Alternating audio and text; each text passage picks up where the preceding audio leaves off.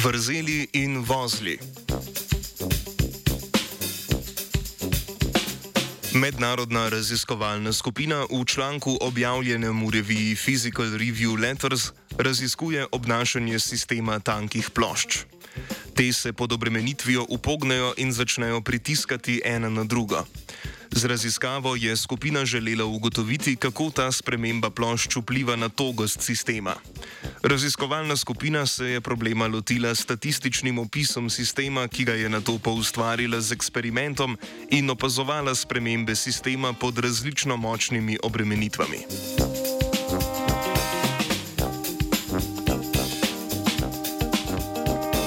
Zlaganje tankih struktur lahko razumemo kot borbo med prožnostjo materijala, ki se stiskanju upira, in geometrijo, ki sistem plošč omejuje. Primer so lističi na spodnji strani gobjega klobuka. Ti se ob sušenju gobe začnejo upogibati v levo ali desno smer. Ko so vsi lističi oziroma plošče ukrivljene v isto smer, je sistem urejen. Zanimivejša so stanja neurejenega zaporedja plošč, ki so bila tudi fokus raziskave. V neurejenem sistemu so plošče ukrivljene v naključne smeri in že pod šibko obremenjenostjo se pojavijo strukture imenovane vrzeli in vozli.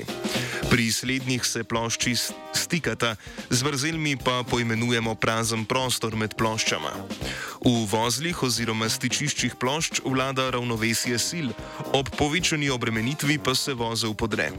Okoliške plošče se ukrivijo v isto smer, kar poveča urejenost sistema. Skupina je spremembe urejenosti tankih plošč preučevala najprej s fizičnim eksperimentom in simulacijo. V škatlo so upeli mnogo prožnih plošč pravokotne oblike. Škatlo so enakomerno obremenjevali v smeri usporedni ploščam, dokler niso vse plošče kazale v isto smer. Tako so sistem peljali od neurejenega do popolnoma urejenega stanja. Poskus so večkrat ponovili, ob tem pa spreminjali dimenzije in debelino plošč ter dimenzije škatle. Opazovali so število nastalih vozlov in vrzeli oziroma urejenost sistema glede na obremenitev.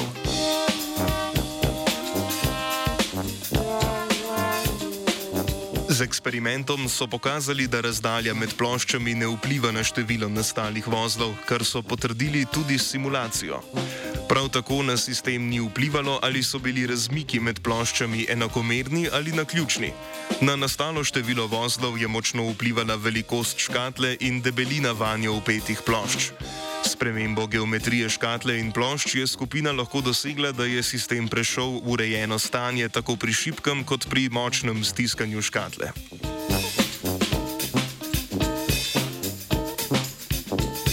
Opazili so, da je urejenost plošč odvisna od geometrije škatle in plošč.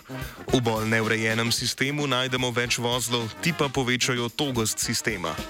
Tako lahko s sistemu plošč s preminjanjem geometrije povečamo togost, če v njem vzpostavimo vozle in vrzeli, oziroma jih podremo, če želimo togost zmanjšati.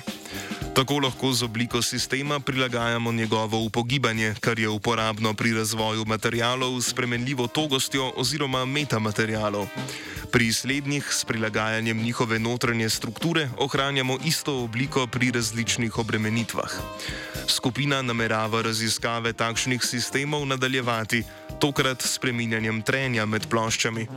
Predvidevajo, da se v sistemih z visokim trenjem vozili ne morejo podreti, kar onemogoči prehod v urejeno stanje. Vozle metamaterialov je stiskal vajenec Oskar.